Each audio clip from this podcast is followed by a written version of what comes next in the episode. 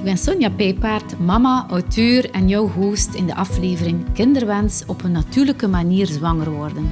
In deze reeks heb ik enkele waardevolle gesprekken met experten in functie van mijn twee boeken, onder Mama's, de ultieme zwangerschapsgids en Mama's weten waarom, van geboorte tot eerste woordje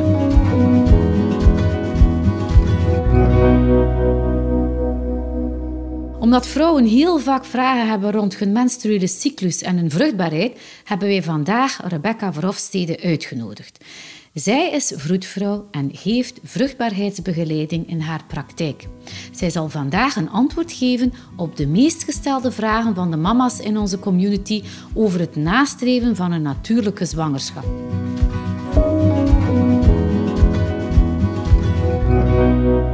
Goedemorgen, eh, Rebecca.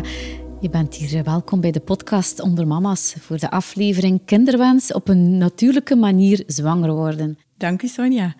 En vandaag gaan we daar wat dieper op in, op het topic kinderwens. Je hebt een achtergrond als vroedvrouw en onderzoekster. En je bent ook uh, jouw eigen praktijk opgestart vanuit je eigen persoonlijke ervaring, vrouw en vruchtbaarheid. Vertel eens wat meer over jezelf en jouw projecten, Rebecca. Ja, ik ben dus vroedvrouw. Ik heb uh, twee dochtertjes, Clara en Mathilde, van vijf en twee jaar. En mijn man is huisarts en wij zijn eigenlijk gedeeltelijke samenwerking opgestart met het project Vrouw en Vruchtbaarheid met het doel om vrouwen, maar zeker ook mannen, meisjes, jongens, bewuster te gaan maken van ons eigen lichaam, onze eigen vruchtbaarheid. Omdat het zo is dat we vandaag de dag zo weinig weten over ons eigen lichaam en onze eigen cyclus. En ik merk dat als we daar iets aan zouden doen, dat dat enorm veel voordelen zou bieden naar kinderwens, anticonceptie, zelfzorg. Dus ja, mijn missie is echt om vrouwen terug bewuster te maken. Dat is eh, een mooie missie, eh, Rebecca. Je helpt dus vrouwen en koppels in de vruchtbare fase van hun leven. Hè? En daarbij vertrek jij vanuit het vrouwelijk lichaam en de menstruele cyclus, hè? als ik het goed voor heb. Ja, inderdaad. En kan je even kort toelichten hoe zo'n cyclus verloopt en welke rol dat eh, de hormonen hierin spelen? Dus een, een vrouwelijke cyclus, een menstruele cyclus, die duurt gemiddeld zo'n 23 tot 35 dagen en start eigenlijk op het moment dat je ja, dat je menstruatie krijgt. Dus dag 1 van je bloeding mag je meetellen als dag 1 van je menstruatie.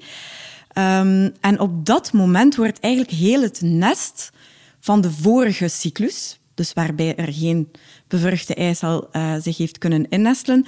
Heel dat nest wordt afgestoten.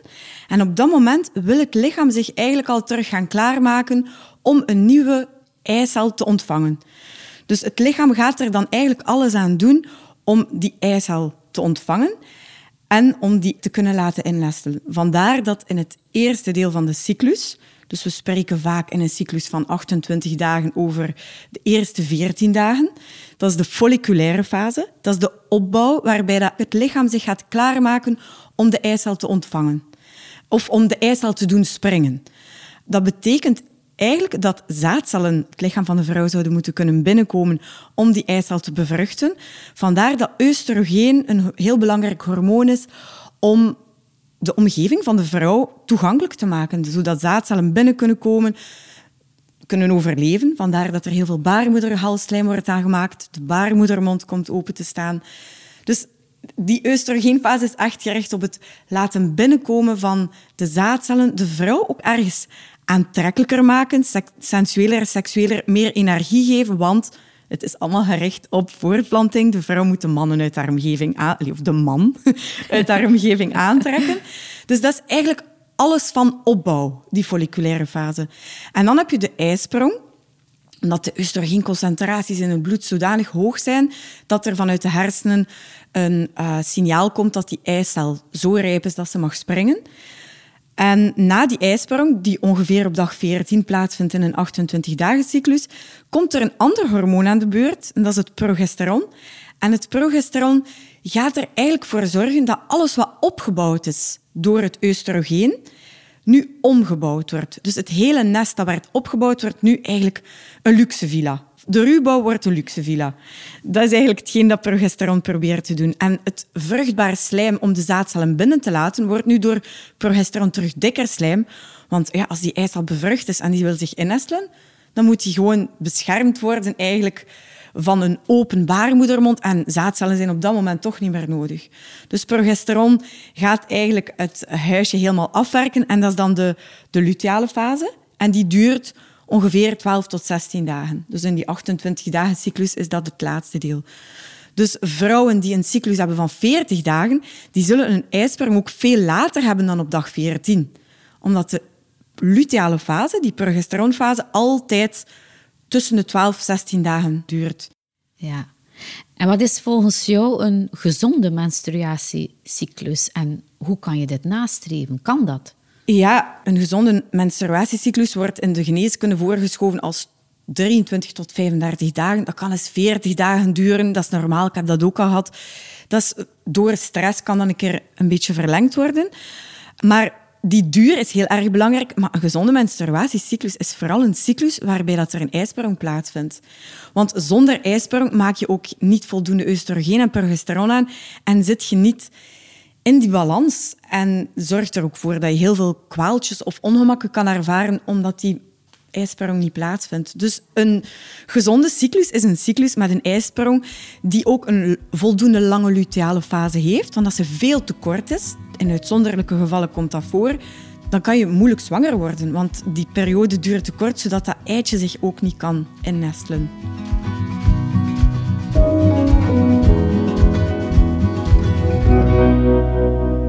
Als jouw uh, menstruatie nu uitblijft, wat moeten we daar dan over denken? Wat, wat is er dan gaande? Als uw menstruatie uitblijft, er is sprake van een problematische uitblijvende menstruatie als dat langer duurt dan zes maanden. Dat kan heel veel verschillende oorzaken hebben als dat twee, drie maanden duurt. Maar de belangrijkste reden is of dat je borstvoeding geeft, zwanger bent, maar een andere reden die heel veel vrouwen niet mogen vergeten is als je stopt met de pil, moet je je lichaam ook de tijd geven, de tijd gunnen om terug gewoon een cyclus te krijgen, om terug die ijsprong te hebben. Maar je kunt je voorstellen als je de pil neemt van je 16 jaar tot je 26, 10 jaar in een stuk, dat je eigenlijk je lichaam nooit echt de kans hebt gegeven om die ijsprong zelf uit te lokken. Op het moment dat je stopt, moeten nu uw eierstokken en uw hersenen terug communiceren met elkaar en zeggen van kom aan, we moeten die ijsprong hier terug opnieuw doen. Je lichaam moet soms oefenen, moet soms terug wennen aan die situatie om dat zelf te doen. Dus het gaat ook echt over tijd en geduld. Dus alsjeblieft, als je stopt met de pil, geef jezelf ook de tijd om je lichaam terug op zijn plooi te kunnen laten komen. En eigenlijk tellen die maanden nog niet mee als proberen om zwanger te worden, want je hebt ook nog geen ijsprong. Nee. Hoeveel tijd moet je jezelf gunnen? Ehm, het is zo dat vrouwen die bij mij komen, en dat is ook wetenschappelijk onderzocht, dat ongeveer de helft een ijsprong heeft na de pilstop. Wat dat eigenlijk mooi is. Dat wil zeggen dat de helft van de vrouwen opnieuw direct een ijsprong heeft. De andere helft, dat duurt twee maanden, drie maanden, maar dat kan ook negen maanden duren. Bij mij heeft het een jaar en een half geduurd. Dat is heel uitzonderlijk. Hè? Dat is nu wel echt heel uitzonderlijk. Um, maar duurt het ook heel erg lang.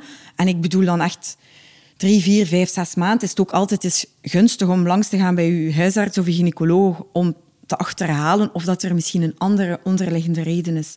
Want het is niet alleen pilstop, het kan ook stress zijn. Het kan ook ziekte zijn. Een schildklieraandoening kan ook de oorzaak zijn van een uitblijvende ijsprong.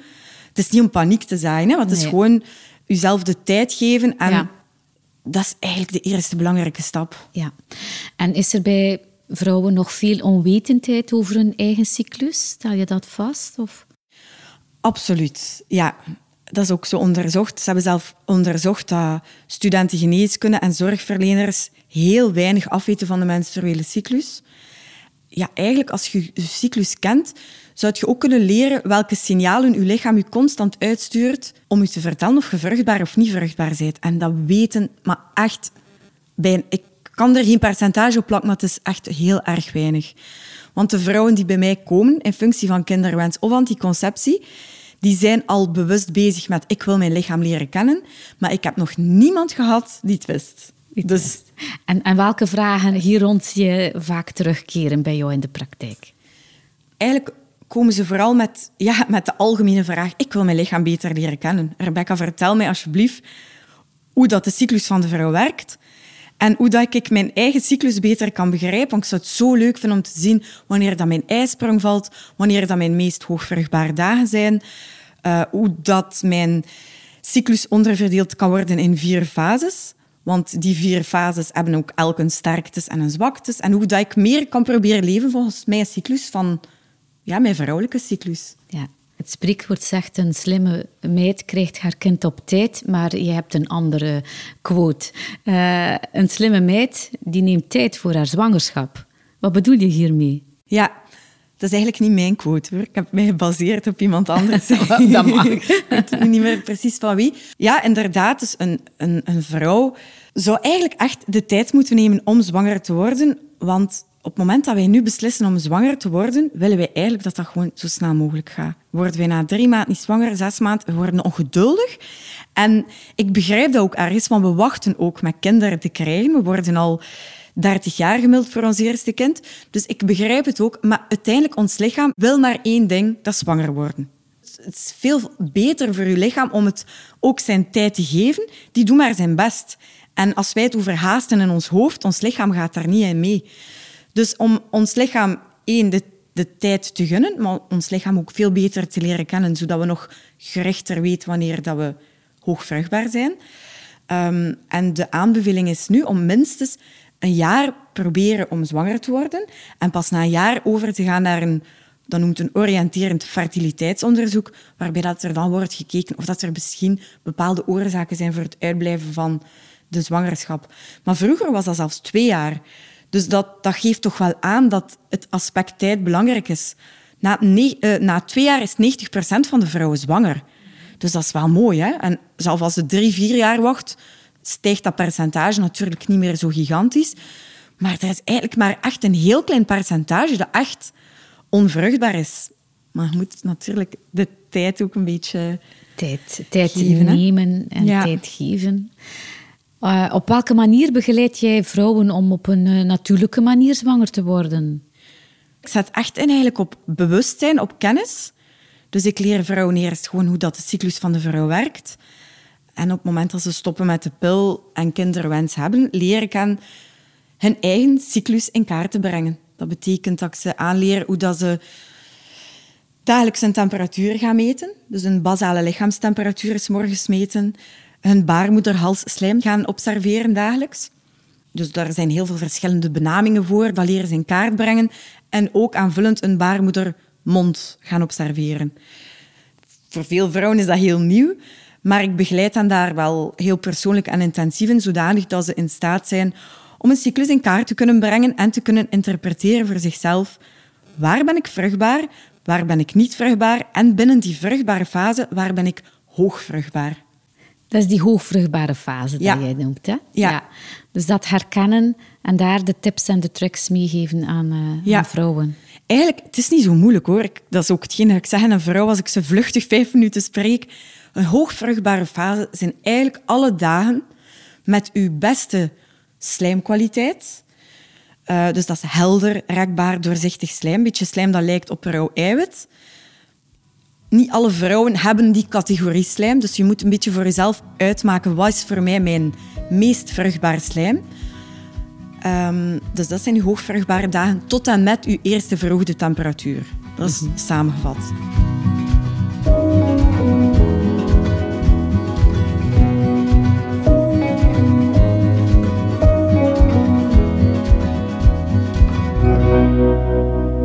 Er al uh, eventjes over gehad. Eh, de voorbereiding op een zwangerschap, stoppen met anticonceptie, jezelf de tijd gunnen, want ja, je bent niet meteen vruchtbaar en het kan al een tijdje duren.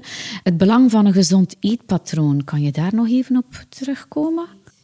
De belangrijkste dingen die, die, die op websites ook altijd heel duidelijk beschreven staan, is om te stoppen met alcohol drinken, om te stoppen met roken, om ook beweging voldoende beweging aan te houden. Het is niet omdat je zwanger bent dat je ziek bent of zo. Maar probeer ook al te luisteren naar je lichaam. Want veel vrouwen zullen zich de eerste drie maanden vermoeider voelen. Je moet ook echt jezelf niet forceren. Hè. Maak dan een wandeling, ga buitenlucht opsnuiven, probeer daglicht op te vangen, zodat je s'avonds ook beter kunt slapen. Doe dingen eigenlijk waar dat je je beter bij voelt. Neem een warm bad. Uh, en naar voeding toe, ja, dus de inname van foliumzuur is heel belangrijk. Drie maanden voordat je al kinderwens hebt. Verbalanceerde voeding, hè. Veel ja. pure voeding. Ik ben ook heel grote voorstander van, van bio.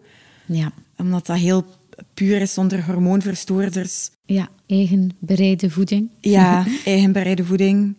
Uh, suiker echt reduceren. Ja. Maar ik heb het dan echt over suiker van frisdranken en cakes, bewerkte, bewerkte suiker. Ja. Maar dat is niet alleen voor zwangere vrouwen of voor vrouwen met kinderwensen. Nee, voor iedereen eigenlijk zo. Dat beïnvloedt gewoon onze hormoonhuishouding. Oké, dan letten we daar allemaal op. op uh, ja, om op een natuurlijke manier zwanger te worden. Dan kennen we onze hoogvruchtbare fase, maar vanzelf gaat het nog altijd niet komen. Hè? Dus hoe kan je dan je zwangerschapskans verhogen? Want dan komt het op vrijen op aan. Wanneer vrijen, hoeveel vrijen? Mhm. Kan je daar uh, wat meer over vertellen? Het is moeilijk om er ook geen obsessie van te maken. Uh, dus, dus ik probeer daar wat genuanceerd op te antwoorden, omdat ik heb ook heel veel vrouwen die ovulatietesten doen. En als die ovulatietest positief is, dat ze echt dan zeggen van nu moeten we vrijen. Maar na drie, vier, vijf maanden kan dat bij veel koppels echt doorwegen. Vandaar dat ik voorstander ben om je eigen lichaam te leren kennen. Zelf misschien al voordat je kinderwens hebt. Omdat je aan je eigen lichaam voelt... Aha, ik denk dat ik nu vruchtbaarder word. Je wordt je ook bewuster dat je oestrogenen toenemen. Dat zij je libido prikkelen. En dat je dan het moment dat je zegt van ik ben vruchtbaar en het voelt voor mij ook goed om te vrijen, ja, dat is, dat is ideaal. Dat is het beste scenario dat je kunt inbeelden. Um, om hoeveel tijd... Het is belangrijk om niet te veel tijd tussen te laten. Ze hebben bijvoorbeeld gezien als je langer dan tien dagen tussen laat, dat dat de kwaliteit van het sperma beïnvloedt. Ideaal zou zijn om de twee dagen. Maar is dat nu elke dag? Het is niet dat je minder kans hebt om zwanger te worden. Dat dat niet een gigantisch groot verschil is. Dus als jullie elke dag willen vrijen, omdat jullie dat echt willen en jullie zijn vruchtbaar, prima. Hè? Laat u gaan. Ja, ja. Maar moet het, je moet er ook zeker geen obsessie van maken. Hè? Dat, dat je zegt van we moeten het elke dag doen, want dan zijn onze kansen hoger. Als je in je hoogvruchtbare dagen zit, dan zijn dat ongeveer vijf, zes dagen. Eigenlijk op het moment dat je eicel springt, leeft ze gemiddeld 12 tot 18 uur. Dat is niet zo lang eigenlijk. Dus het is dankzij de zaadcellen die vijf dagen overleven in ons baarmoederhalsslijm, dat wij zes dagen vruchtbaar zijn. Dus eigenlijk hebben we een periode van zes dagen waarbij we hoogvruchtbaar zijn. Ja, dat heet Sensiplan-methode. Is dat een uh, betrouwbare methode?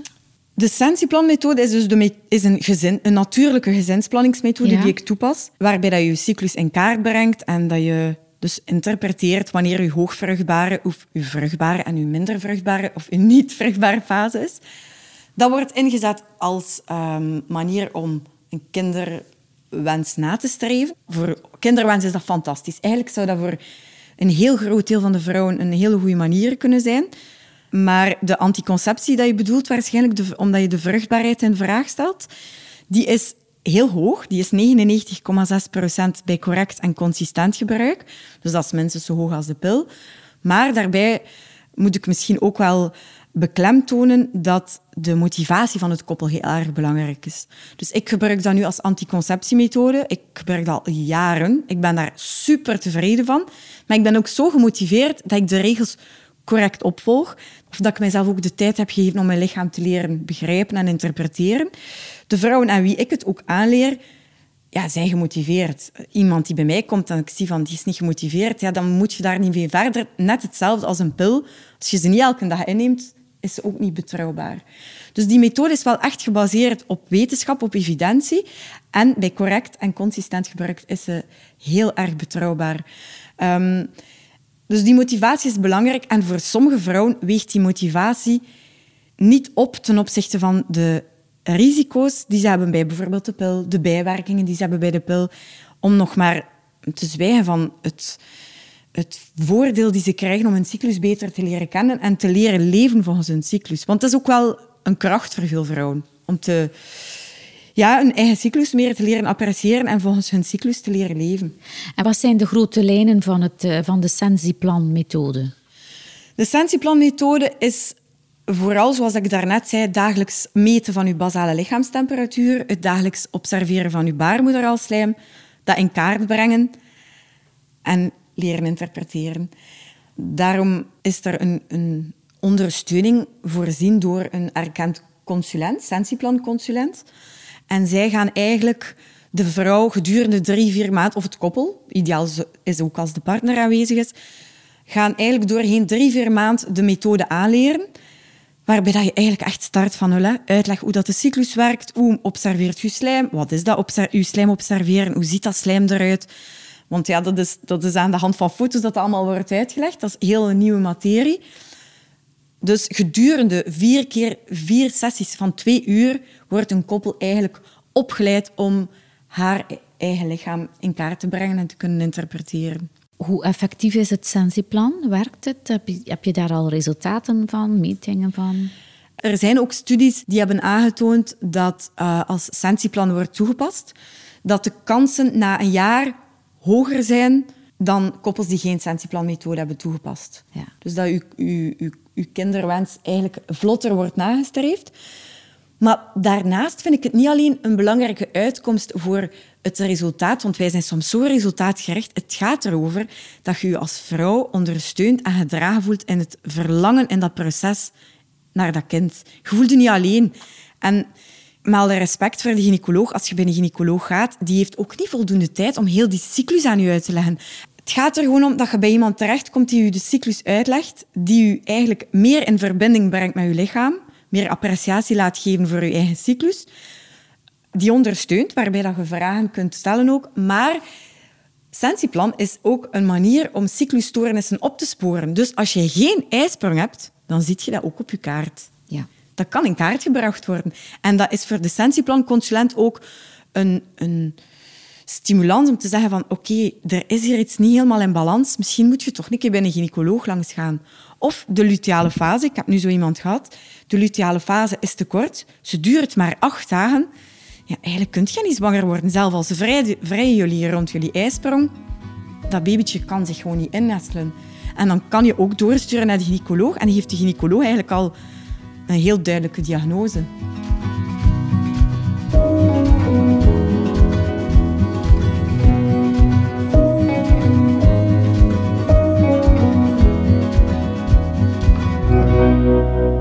Nu, jij spreekt vaak uit eigen ervaring, wat goed is uiteraard. Hè? Jij kan heel veel delen mm uh, met anderen en bent daar ook bereid van dat te doen. Uh, dat is ook jouw missie. Um, en het uitblijven van de menstruatie en de stressfactoren, dat is al een keer te sprake gekomen. Ja. Want ja, jij en, en jouw man die hadden een, toch lange tijd een ja. intense kinderwens. En dat lukte niet zo heel goed. Nee, en ik merkte ook dat dat zo een taboe was. Ik probeerde daarover te praten, maar voor mensen was dat zelfs ongemakkelijk als ik daarover sprak. Ja, ja van, oh, garme. En oké, dat was vreselijk, hè, maar ik vond dat een zeer lastige periode. Dus ik ben eigenlijk gestopt met de pil ook na tien jaar, Nuvaring. Ik had kinderwens en ik dacht, oké, dat ga je eh, volgende maand, kan ik keer zwanger worden. En ik wachtte, maar ik kreeg geen menstruatie en die bleef uit. En na zes maanden, dat is een beetje de aanbeveling, als dat echt lang uitblijft, is het best om bij je gynaecoloog te gaan. Zij vond geen oorzaak. Dus ik wist, er is geen medisch aantoonbare oorzaak voor mijn probleem. Dus het gaat gewoon over tijd, mijn lichaam de tijd geven om terug een ijsprong te krijgen. Na acht maanden nog altijd niks, maar je wordt ongeduldig, want je voelt de druk in je omgeving.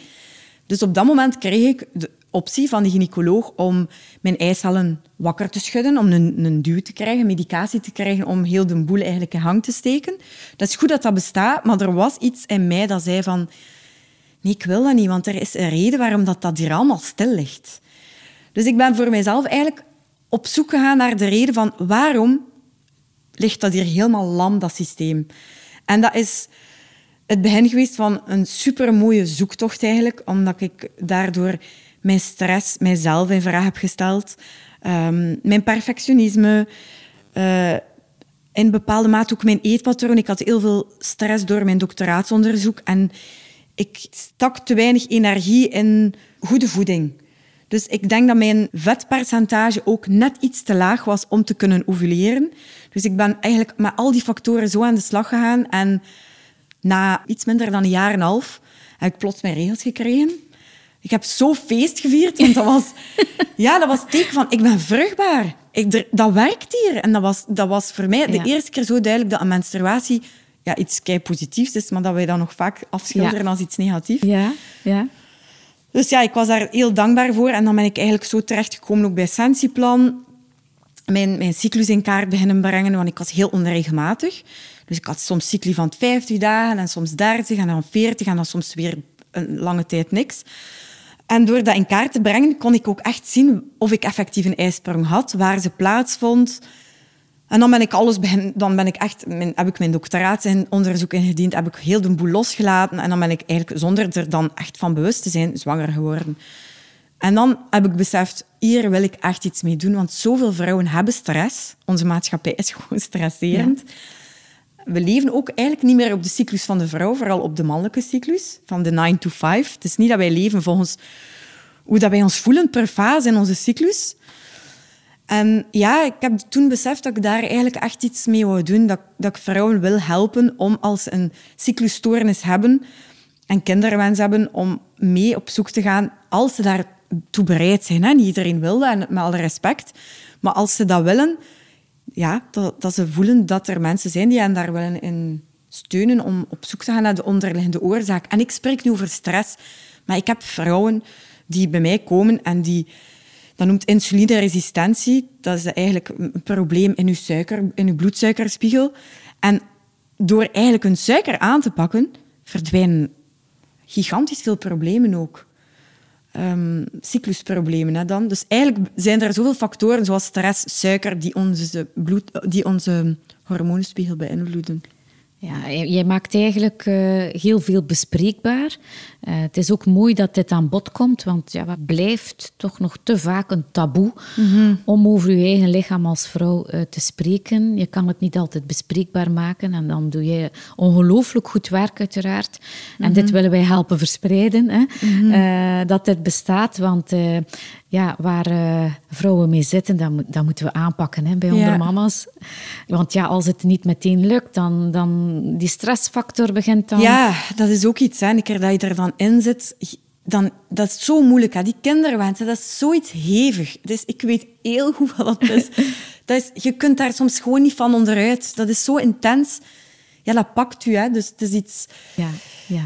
Je moet het ook ergens aanvaarden, maar jezelf ook vergeven. Jezelf vergeven uh, want iedereen zegt van, laat het los. Ja, dat is gemakkelijk gezegd, hè, laat het los. Dat is echt niet... Dat is een goed bedoelde zin, maar eigenlijk een vrij ambetante zin. maar als, als ik dat zeg, een vrouw laat het los, of ze, ze spreken dat zelf uit, dan zeg ik altijd... Oké, okay, die innerlijke stress of die controle kun je proberen loslaten, maar je kunt maar iets loslaten als je vasthoudt aan iets anders.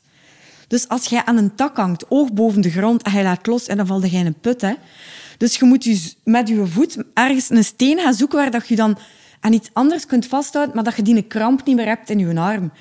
Dus loslaten is ook proberen zoeken naar andere manieren om ja, ook niet te vallen en om toch ook u niet meer krampachtig aan iets vast te houden. Want dat is ook niet, het, is, het is ook gewoon niet goed voor u. Wat is die steen die jij nu, of stenen die jij in je hoofd hebt um, om aan te reiken? Ja, dat is natuurlijk heel persoonlijk. Hè?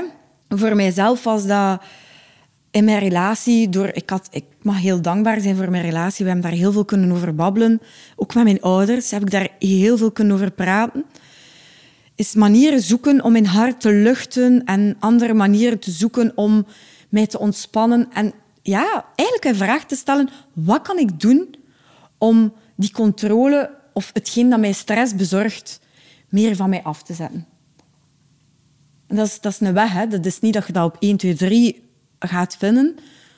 Maar door daar al over te communiceren met andere mensen, doet je al heel veel belangrijke Het zijn uh, vaak ook uh, mensen waar dat je veel vertrouwen in hebt en die dingen ja. merken aan jou zonder dat het eh, uitgesproken wordt of dan ze misschien iets durven zeggen. Als je het dan bespreekbaar maakt, zijn dat degenen die dan jou helpen om de ja. juiste weg dan ja. te bewandelen om daar van los te komen. Inderdaad, ja. ja.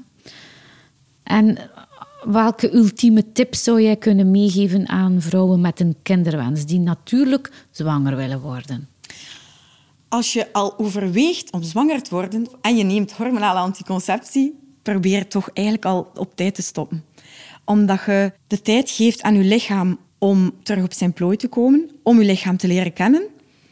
En omdat je ook nog niet in dat hevig verlangen dan zit. Van het moet eigenlijk nu zo snel mogelijk. Ja, ja. Dus dat vind ik eigenlijk een zeer belangrijke tip.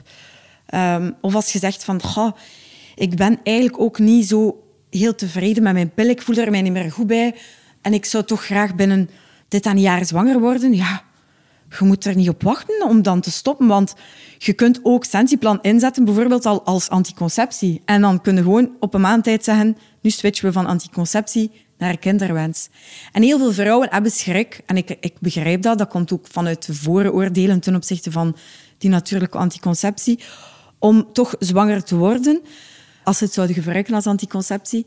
Maar als je dan toch zegt van we hebben kinderwens, dan gaat dat een stuk van die angst wegnemen. Ja.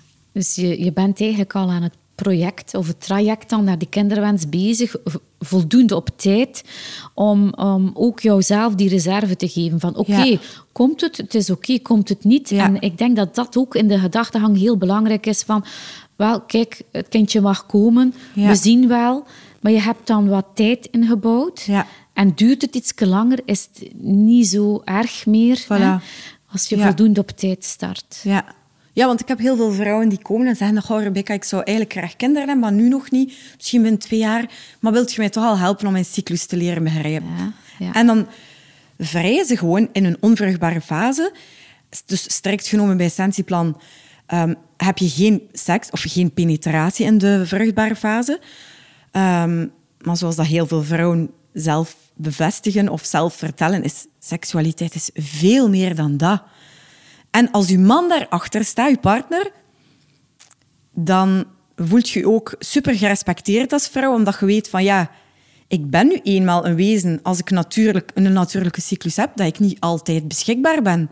En de vraag stelt zich dan eigenlijk ook van, wil ik eigenlijk ook altijd beschikbaar zijn? Dus het, het is iets dat je in je relatie natuurlijk ook bespreekbaar moet maken. Je partner moet daarachter staan. Maar als die daarachter staat, dan merk ik dat dat heel veel moois doet met de relatie. Dat werkt versterkend, omdat je ook ergens op zoek gaat naar hoe kunnen we onze liefde ten opzichte, en ons verlang ten opzichte van elkaar ook op een andere manier uiten. En soms door gewoon ook geduld te hebben en elkaar te respecteren, werkt dat ook soms versterkend. Zeker in lange relaties. Dat is mooi. Ja. Heel hartelijk dank, Rebecca, voor uh, dit uh, hartverwarmende gesprek. En ik denk dat we vandaag heel veel vrouwen gaan uh, kunnen helpen met hun vragen, allemaal rond kinderwens en natuurlijk zwanger worden. Graag gedaan. Vond het leuk om erbij te zijn. Mama's, bedankt om er opnieuw bij te zijn in deze aflevering van Onder Mama's Kinderwens op een natuurlijke manier zwanger worden. In de volgende podcast hebben we een gesprek met kindercoach Natasha Musse, die ons wat meer komt vertellen over het thema slapen bij babytjes.